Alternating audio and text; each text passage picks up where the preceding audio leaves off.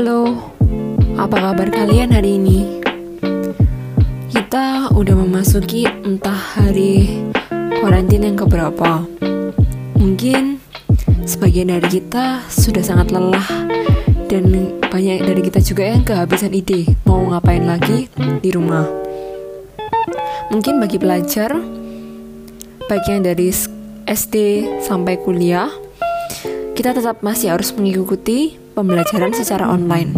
Ataupun juga bagi yang sudah kerja harus melakukan pekerjaan dari rumah atau work from home di mana lama-lama seluruh pekerjaan yang kita lakukan itu membuat kita jenuh bosan kok cuma gini-gini aja.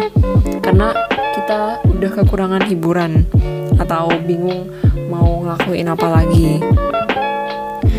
Nah pada kesempatan kali ini Kelompok kami akan memberikan tips dan trik bagaimana cara untuk mengatasi kebosanan di rumah dan tentunya tetap produktif untuk menjalankan tugas kita sehari-hari.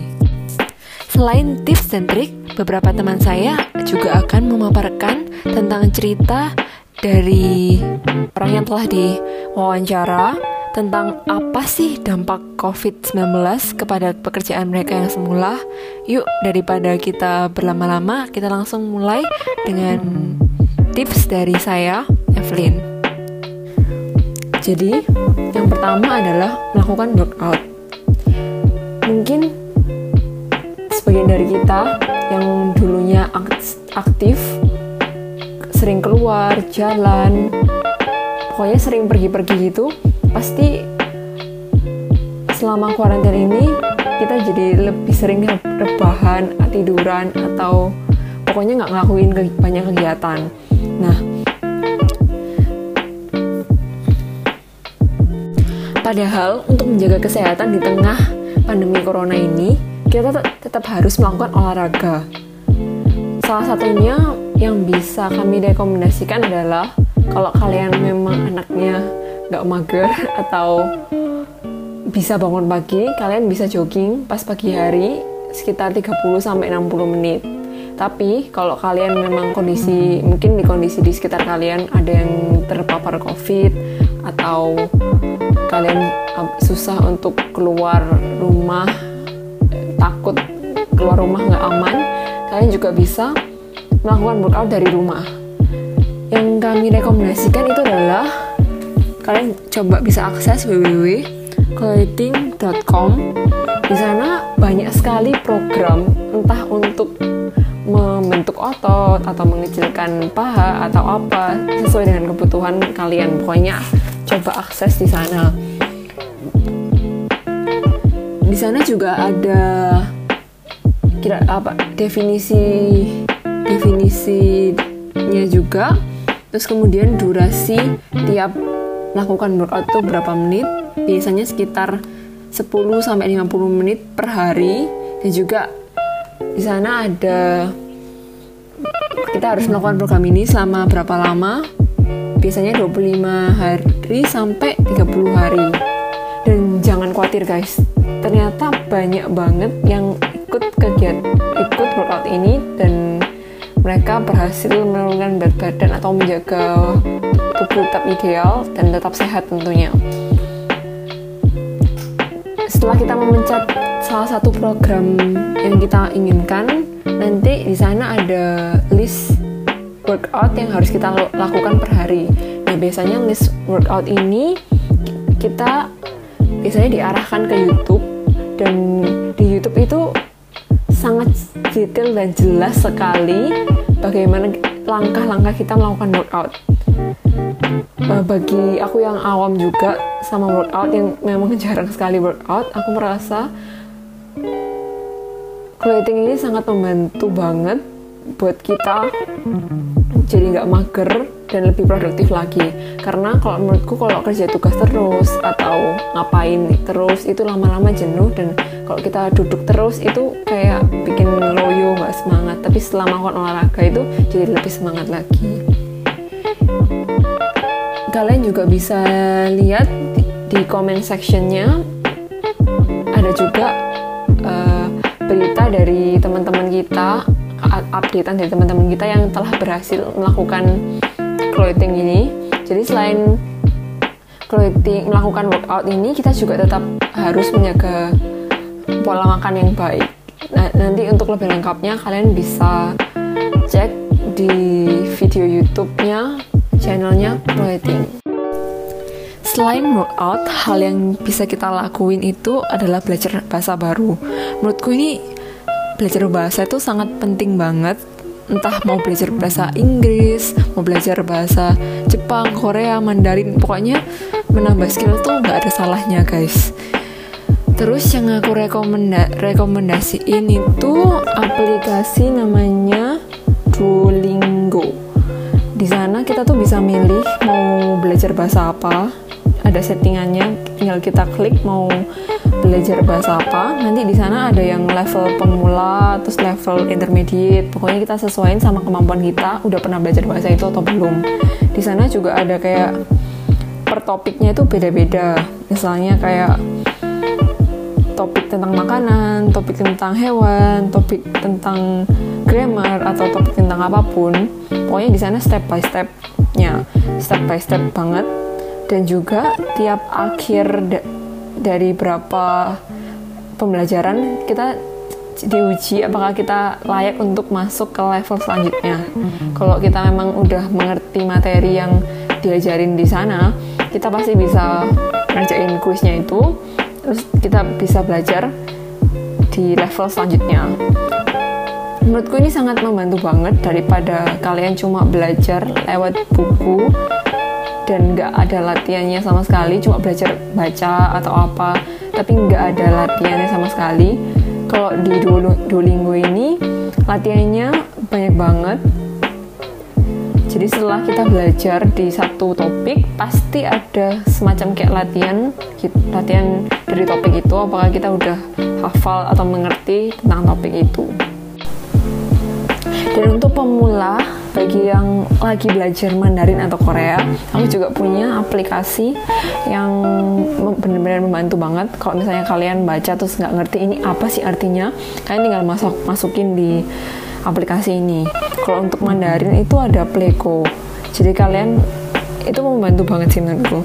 Pokoknya kalian nggak tahu apa, tinggal kalian masukin di sana, nanti muncul bakal muncul artinya apa atau kira-kira digunain gimana ada contoh kalimatnya juga kalau misal untuk bahasa Korea ada namanya Naver Dictionary di sini juga kalian tinggal langsung input input yang huruf yang kalian nggak ngerti terus nanti di sana ada penjelasannya ada kata-kata ini sering digunakan di mana pokoknya lengkap lengkap banget. Deh dan bakal banyak membantu kalian bagi kalian yang pemula dan nggak ngerti banyak banyak nggak ngerti kita ini artinya apa ini artinya apa sangat membantu banget. Selanjutnya mari kita dengarkan tips dan trik serta sharing dari teman saya Vanessa Selanjutnya, aku mau sharing cerita dari seorang pembantu rumah tangga yang biasa bekerja di kompleks rumahku, namanya Mbak Tun.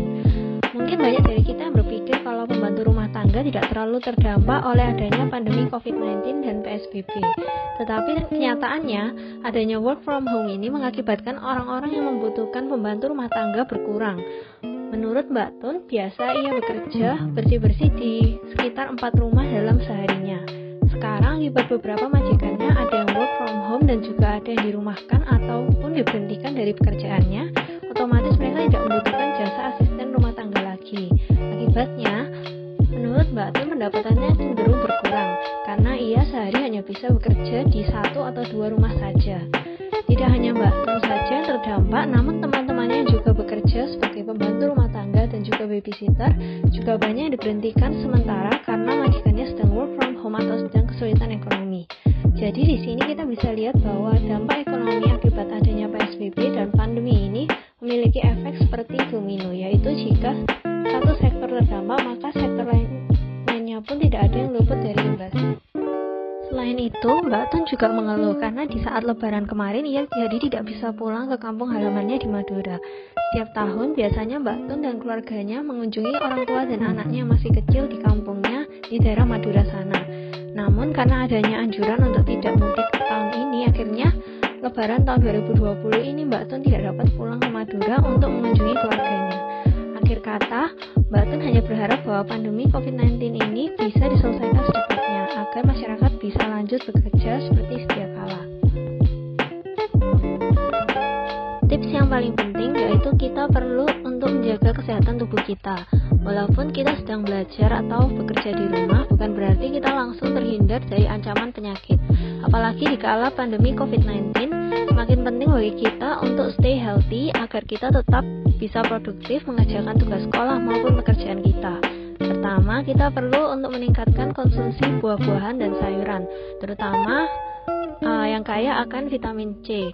Vitamin C dapat meningkatkan produksi sel darah putih dalam tubuh kita yang dapat membantu daya tahan tubuh melawan infeksi virus maupun bakteri. Bagi kalian yang suka sayuran bisa mengkonsumsi sayuran seperti brokoli, bayam, dan juga tomat. Uh, kalau buah-buahan dapat mengkonsumsi jeruk, lemon, jeruk nipis, dan sebagainya juga kaya akan vitamin C. Lalu kalau merasa vitamin C yang dikonsumsi masih kurang, bisa juga minum suplemen vitamin C yang ada di apotek atau minuman yang kaya vitamin C seperti UC 1000. Perlu aku infoin juga kalau recommended daily amount buat vitamin C hanya 75 75 mg untuk perempuan dan 90 mg untuk laki-laki. Jadi sebelum mengkonsumsi suplemen vitamin C, bisa dipertimbangkan terlebih dahulu. Lalu, selain mengkonsumsi makanan kaya vitamin, penting juga bagi kita untuk menjaga pola tidur yang sehat setiap harinya. Meskipun banyak dari kita yang work from home atau study at home bukan berarti kita bisa begadang terus dan bangun siang. Karena pola tidur yang rutin dan cukup sangatlah penting dalam menjaga daya tahan tubuh kita. Untuk orang dewasa, lama tidur yang terbaik adalah sekitar 7 sampai 9 jam per malamnya. Tapi sekali lagi, lama tidur dapat disesuaikan sesuai dengan pola tidur kita masing-masing. Karena berbeda orang memiliki kebutuhan tidur yang berbeda pula. Lalu, terakhir seperti yang sudah disebutkan sebelumnya, kita perlu untuk melakukan olahraga secara rutin, terutama di saat-saat seperti ini. Dengan adanya PSBB di daerah-daerah kita, tentu kegiatan sehari-hari kita yang dulu sering ke kantor, jalan ke kuliah, dan sebagainya berkurang drastis. Kita pun lebih banyak sedentary atau tidak bergerak di rumah.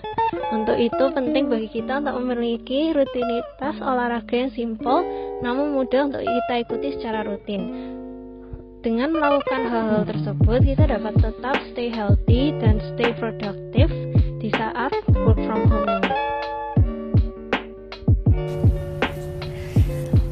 semuanya, di sesi kali ini giliran Erika yang akan ajak teman-teman sharing mengenai satu kisah inspiratif dari pekerja layanan servis di Indonesia yang kerap kita pakai bahkan selama masa pandemi ini. Dan juga satu tips and trick dari Erika mengenai kegiatan apa aja sih yang bisa dilakukan selama karantina di rumah aja. Apa itu? Let's get started! Nah, dimulai dari kisah inspiratif, Erika berkesempatan nih untuk bercengkrama secara visual dengan Bapak Ahmad. Beliau merupakan salah satu driver layanan servis terkemuka di Indonesia. Dari hasil cengkrama kami, berikut rangkuman keseharian beliau selama new normal atau selama masa pandemi ini. Beliau akrab dipanggil Bapak Ahmad. Kini, ia berusia 40 tahunan dan memiliki sepasang anak laki-laki dengan perempuan. Istrinya merupakan ibu rumah tangga mengurus kedua buah hati mereka yang masing-masing kini duduk di sekolah dasar dan sekolah menengah pertama. Sama seperti kebanyakan orang, ia juga merasa melalui kehadiran aplikasi layanan jasa seperti ini telah memberinya kelancaran finansial yang jauh lebih baik loh. Setidaknya ia dapat mencukupi kebutuhan hidup keluarganya, bahkan bisa menyimpan sebagian untuk dana pendidikan anak ke depannya. Beliau bercerita, selama masa pandemi ini tentunya tidak sedikit perubahan yang ia dan rekan-rekan pekerja hadapi. Mulai dari tidak dapat mengangkut penumpang hingga lonjakan terhadap order makanan atau minuman, bahkan bahan makanan untuk dibeli di supermarket. Tentu saja ada ketakutan yang ia hadapi, yaitu takut tertular bahkan bisa menjadi carrier untuk keluarganya. Maka dari itu, ia selalu berusaha untuk menjaga kebersihan setelah beraktivitas seharian di luar. Dalam kehidupan rumah tangga mereka pun, kini ia dan sang istri harus pintar-pintar mengelola keuangan mereka yang ada. Bagaimana?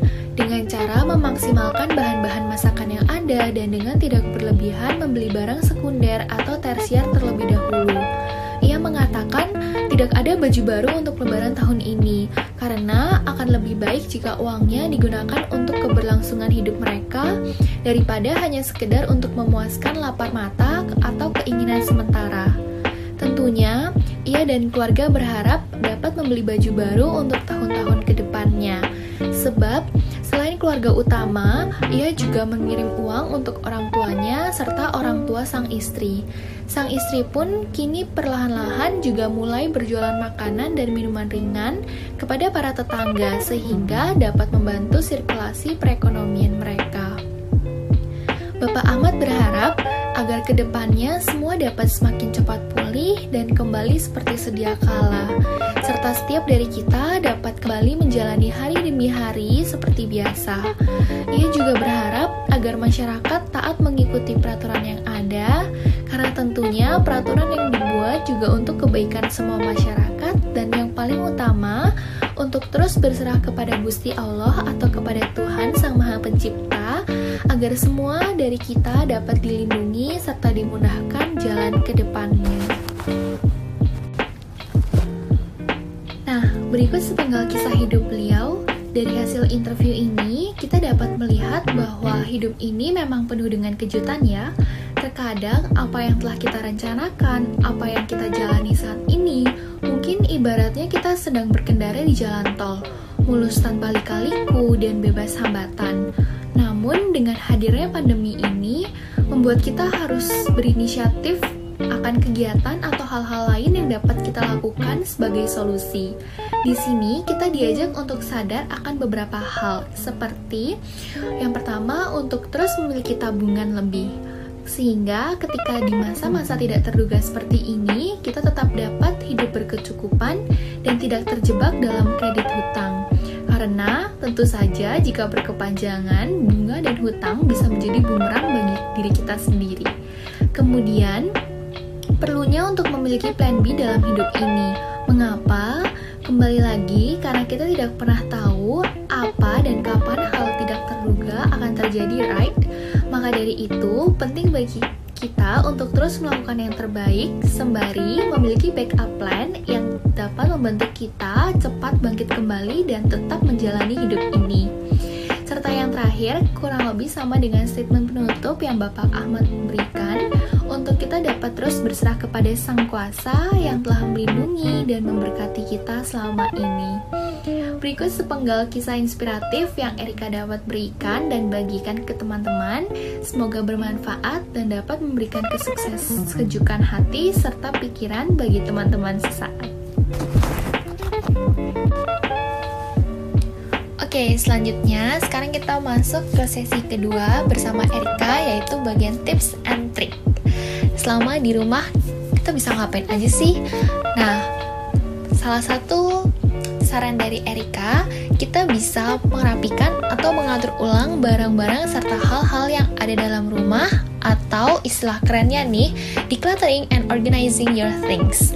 Gak hanya things sih menurut Erika, kamu juga bisa merapikan um, kehidupanmu, asmaramu, atau mungkin merapikan pola pikir kita. nah, nggak sih kita kebayang atau kita tersadar akan betapa banyaknya barang-barang di dalam lemari kita, atau mungkin uh, kita um, menemukan orang-orang yang, aduh, nggak mau banget buang barang-barangnya mereka. Padahal yang pertama nih barang-barangnya itu udah nggak muat dipakai lagi baju-baju udah nggak muat dipakai lagi atau sebenarnya udah tidak bisa membawa manfaat yang baik bagi kelangsungan hidupnya. Atau mungkin pernah merasa aduh udahlah mengatur dan membersihkan dengan kerapian tingkat tinggi itu merupakan keahlian orang-orang tertentu atau keahlian beberapa orang saja. Entah itu mereka yang bergolongan darah tertentu atau mereka dengan zodiak-zodiak tertentu. Di dikatakan uh, adalah orang-orang yang hidupnya lebih teratur atau lebih terorganisir. Padahal sebenarnya tentu tidak. Di mana jika kita mau mencoba perlahan-perlahan, selangkah demi selangkah, setidaknya setiap orang pasti bisa juga ya kan? Nah, tidak perlu untuk menjadi yang sangat ahli dalam merapikannya, tidak perlu untuk mencapai tingkat kerapian yang paling rapi atau paling terbaik, tapi cukup dengan tidak membuatnya kelihatan berantakan. Di mana dengan kita merapikan bisa membuat pikiran kita menjadi lebih fresh, bisa menjadi lebih baik dan uh, suasana hati kita pun bisa menjadi lebih cerah. belajar di sini yaitu berbasis pada satu kalimat yaitu simply organize atau teman-teman juga bisa kalau mau menjadi lebih expert nih ya menggunakan kalimat organize with style di mana kalau simply organize kita secara minimalis atau kita secara minim uh, merapikan barang-barang yang ada dalam kehidupan kita atau merapikan barang-barang serta hal-hal yang ada di sekitar kita. Kalau organize with style dengan ada title stylenya atau unsur stylenya tersebut mengindikasikan bahwa kita tidak hanya merapikan barang-barang yang ada uh, sesuai dengan warnanya ataupun sesuai dengan fungsinya, tapi kita juga membentuknya menjadi indah atau menarik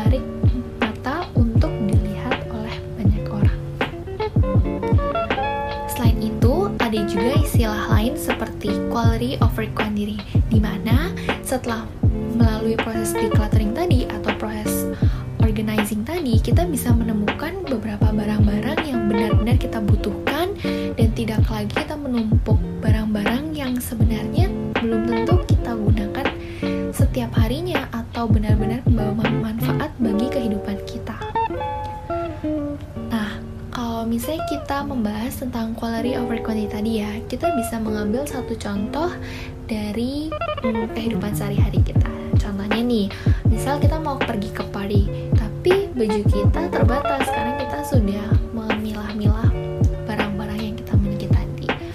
Well, sometimes kita bisa tukeran loh sama saudara kita atau bisa tukeran dengan best friend kita. Tapi ingat jangan lupa untuk mengembalikan barangnya dan selama proses meminjamnya pun harus dijaga dengan baik. Kalian bisa saling tukar pinjam as long as kalian bisa saling menghargai dan kalian uh, bersama-sama menjaga barangnya orang masing-masing. Menurut studi, ketika kita merasa depressed dan kita melakukan do cleaning, itu bisa menstimulasi otak kita untuk membuat kita menjadi lebih rileks, menjadi lebih nyaman dan ketika kita melihat hasil bersih bersihannya kita nih ya setelah kita melihat hasil pekerjaan kita kita bisa menyadari bahwa wah melihat hal-hal yang telah bersih itu bisa membuat pikiran kita menjadi lebih santai lebih rileks dan juga bisa mencernakan pikir kita sehingga bisa membuat kita lebih siap lagi menghadapi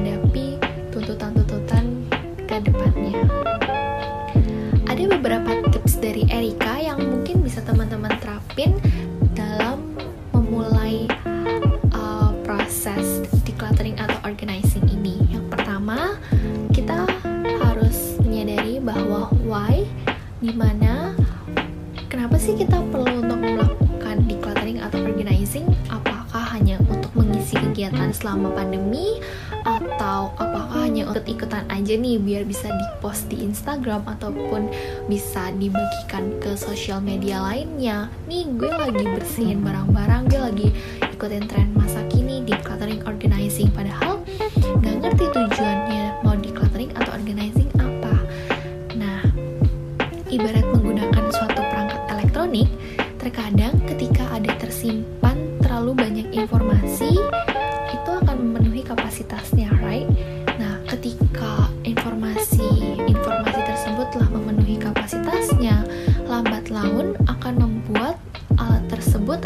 device tersebut menjadi error atau lemot. Maka dari itu kita perlu untuk meriset ya kan? Meriset device tersebut atau even meriset kehidupan kita dari hal-hal yang terlalu banyak kehidupan kita, hal-hal di sekitar kita yang terkadang tidak semuanya mengandung atau bermanfaat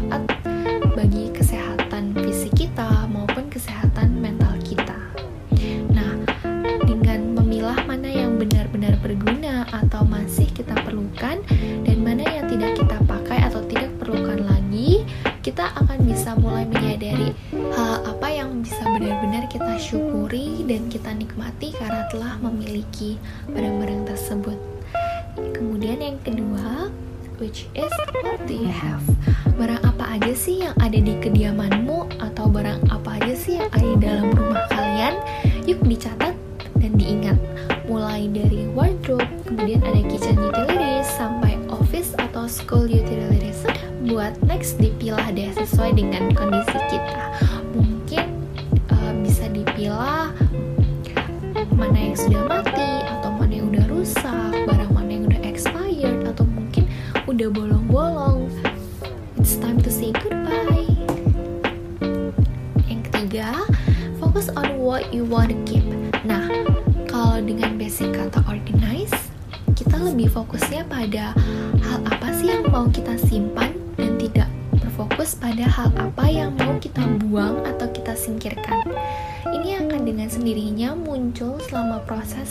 Pengaturan hal-hal di atas.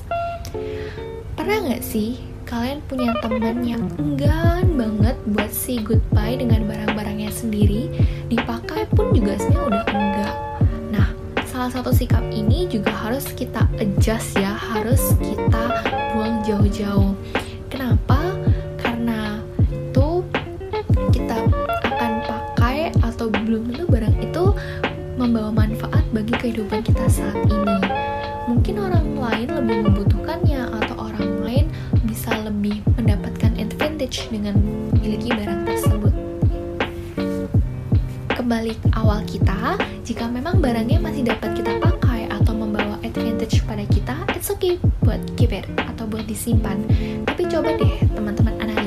Atau ditimbang-timbang lagi dan mengosongkan beberapa space.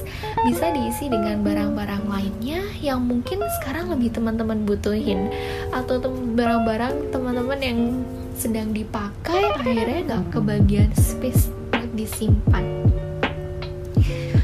Barang-barang ini pun yang sebenarnya saat ini lebih keep your productivity. Jadi bukan perlu untuk menjadi tega atau asal buang ya, tapi lebih selektif dalam memilih untuk tetap menjaga stabilitas dalam hidup kita. Kalau teman-teman enggan banget buat buang atau sebenarnya sayang banget sama barangnya, teman-teman bisa kok untuk mendonasikannya atau dijual ke orang lain atau orang terdekat yang artinya menggunakan barang itu. Who knows, they are needed more than you know right now, ya kan?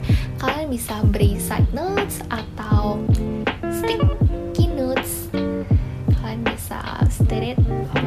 dijaga baik-baik ya barangnya atau dihargai ya dengan baik. Kalau dengan dijual di satu sisi kalian bisa mengosongkan isi lemari, nah di sisi lain kalian bisa menggemukkan dompet kita nih. Apalagi uangnya itu uh, bisa kita simpan untuk masa depan atau bisa kita donasikan untuk mereka yang membutuhkan. Ingat ya, uang masuk tidak berarti untuk selalu dihabiskan,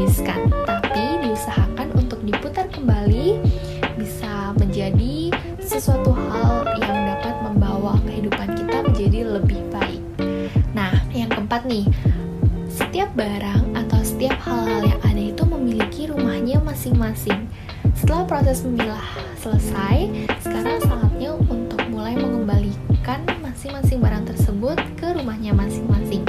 Jangan lupa untuk dialamatkan sesuai dengan kelompoknya ya. Beberapa tips nih yang bisa membuat uh, step keempat ini semakin seru ataupun semakin bermanfaat. Teman-teman bisa mengelompokkannya berdasarkan jenisnya. Misalnya nih, berdasarkan baju pergi,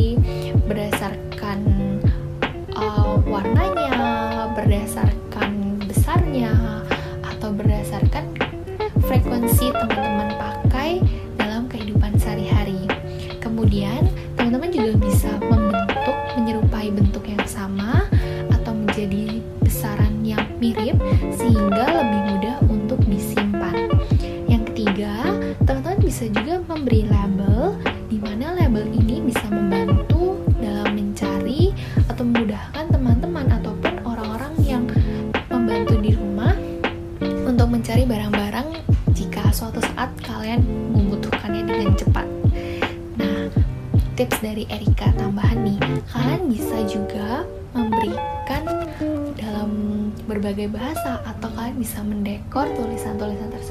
Dengan gambar ataupun dengan stiker. Selain bisa memberi warna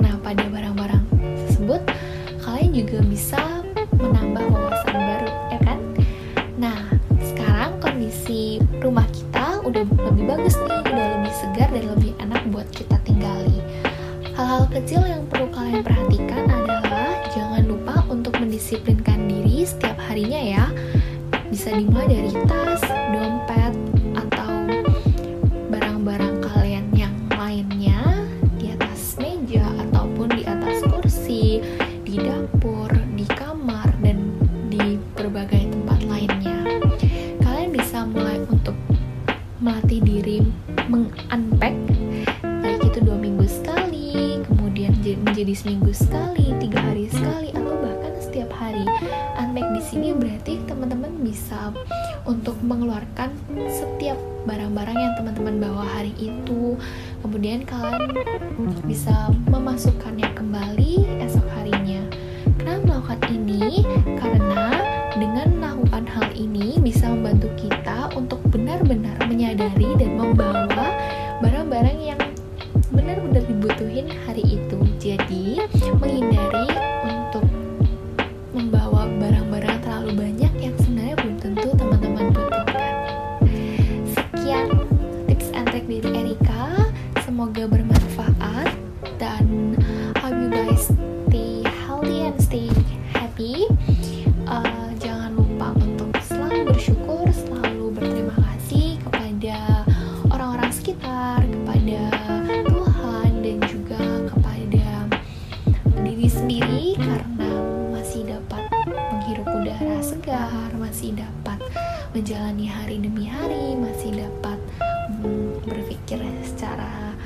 logis dan secara jelas, berpikiran positif untuk apa yang dapat kita lakukan ke depannya.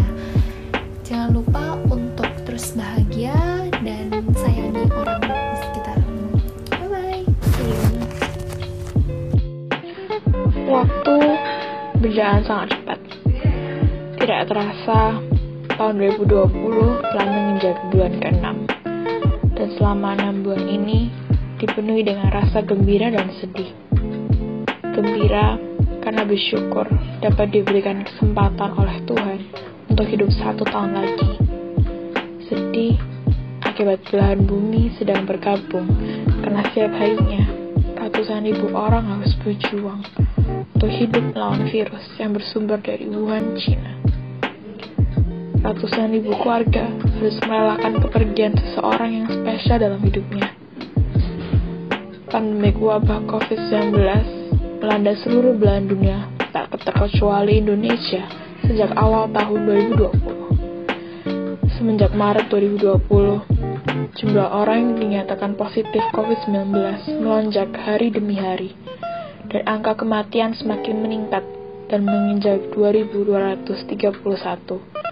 Sedangkan jumlah pasien terkonfirmasi menjadi 40.400 pasien.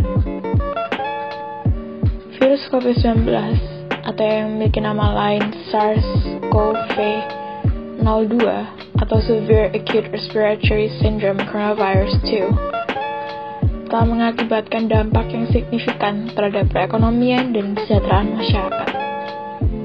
Akibatnya, sejumlah warga di Indonesia harus rela kehilangan pekerjaan dan sejumlah bisnis mengalami kerugian finansial akibat sepi pelanggan sehingga terpaksa menutup toko dan perusahaan.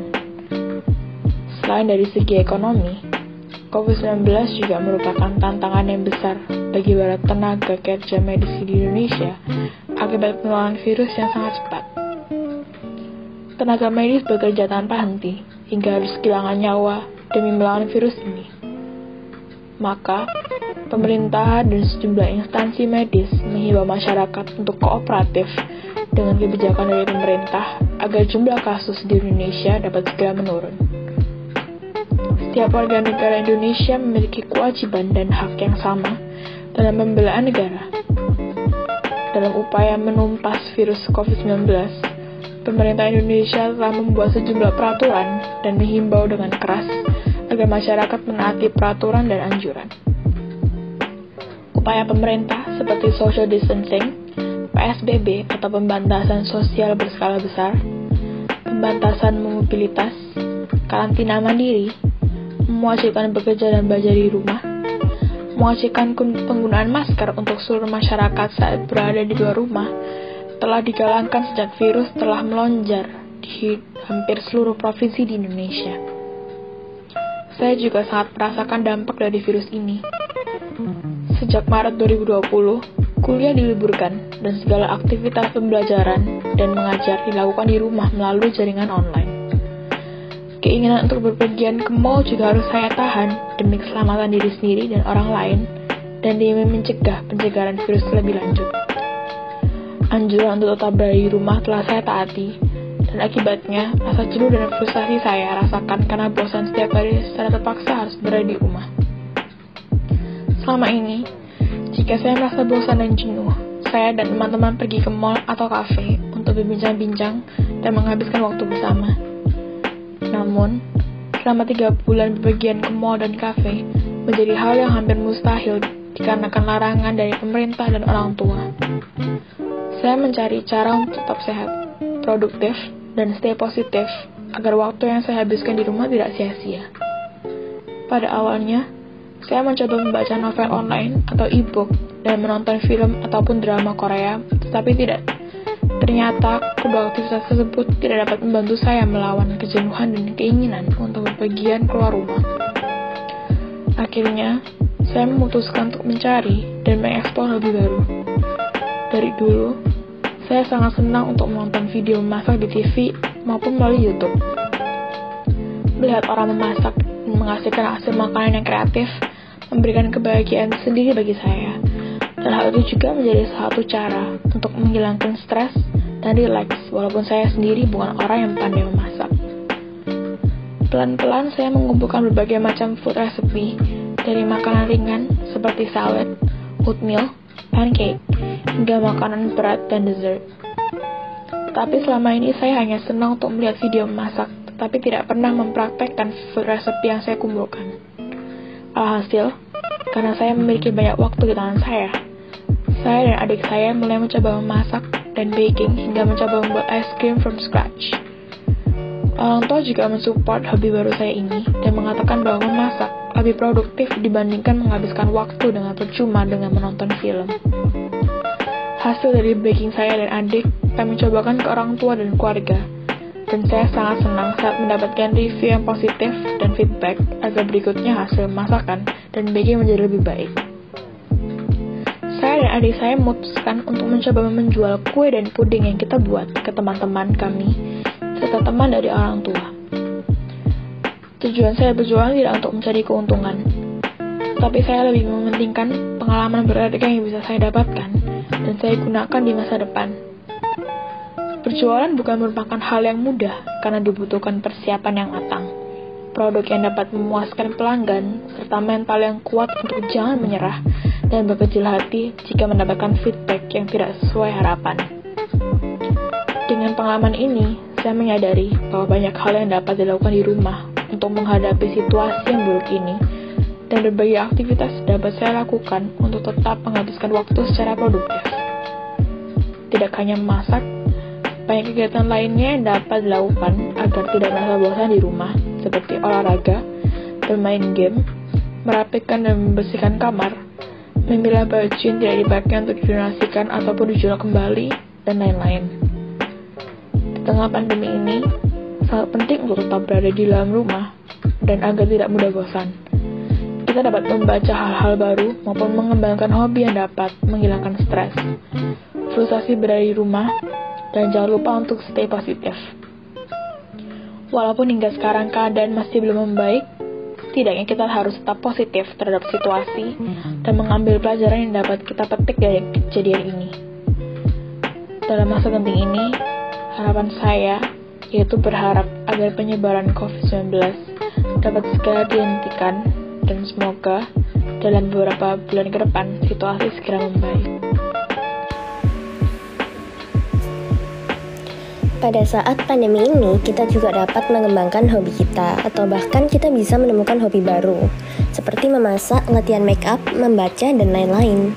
Dengan banyaknya waktu luang yang tersedia, kita akan merasa bosan dan mungkin saja stres karena merasa terkekang di rumah. Tentu ada baiknya kalau waktu luang tersebut bisa kita alokasikan untuk mendapatkan ilmu yang baru juga. Salah satu hobi yang paling banyak diminati oleh masyarakat saat ini adalah memasak. Manusia pasti membutuhkan makanan dan dikarenakan ketidakpastian akan bahaya yang mungkin ada di luar sana, banyak masyarakat pasti akan memilih untuk memasak sendiri di rumah. Ada begitu banyak cara bagi kita untuk mengembangkan hobi yang satu ini. Mulai dari cara memasak, hal-hal yang sederhana seperti menggoreng telur, sampai cara untuk memasak rendang pun ada banyak tersedia di internet. Dengan sedikit tekad dan kemauan dari diri kita sendiri, kita tentu akan semakin mahir. Dan tentunya ilmu ini akan berguna bagi kehidupan kita kelak. Sekian tips dan trik kami dan juga sharing kami pada hari ini. Semoga kalian yang mendengarkan mendapatkan manfaat dari sesi-sesi yang cita-cita yang telah kami bagikan. Sampai jumpa di podcast berikutnya. Dadah.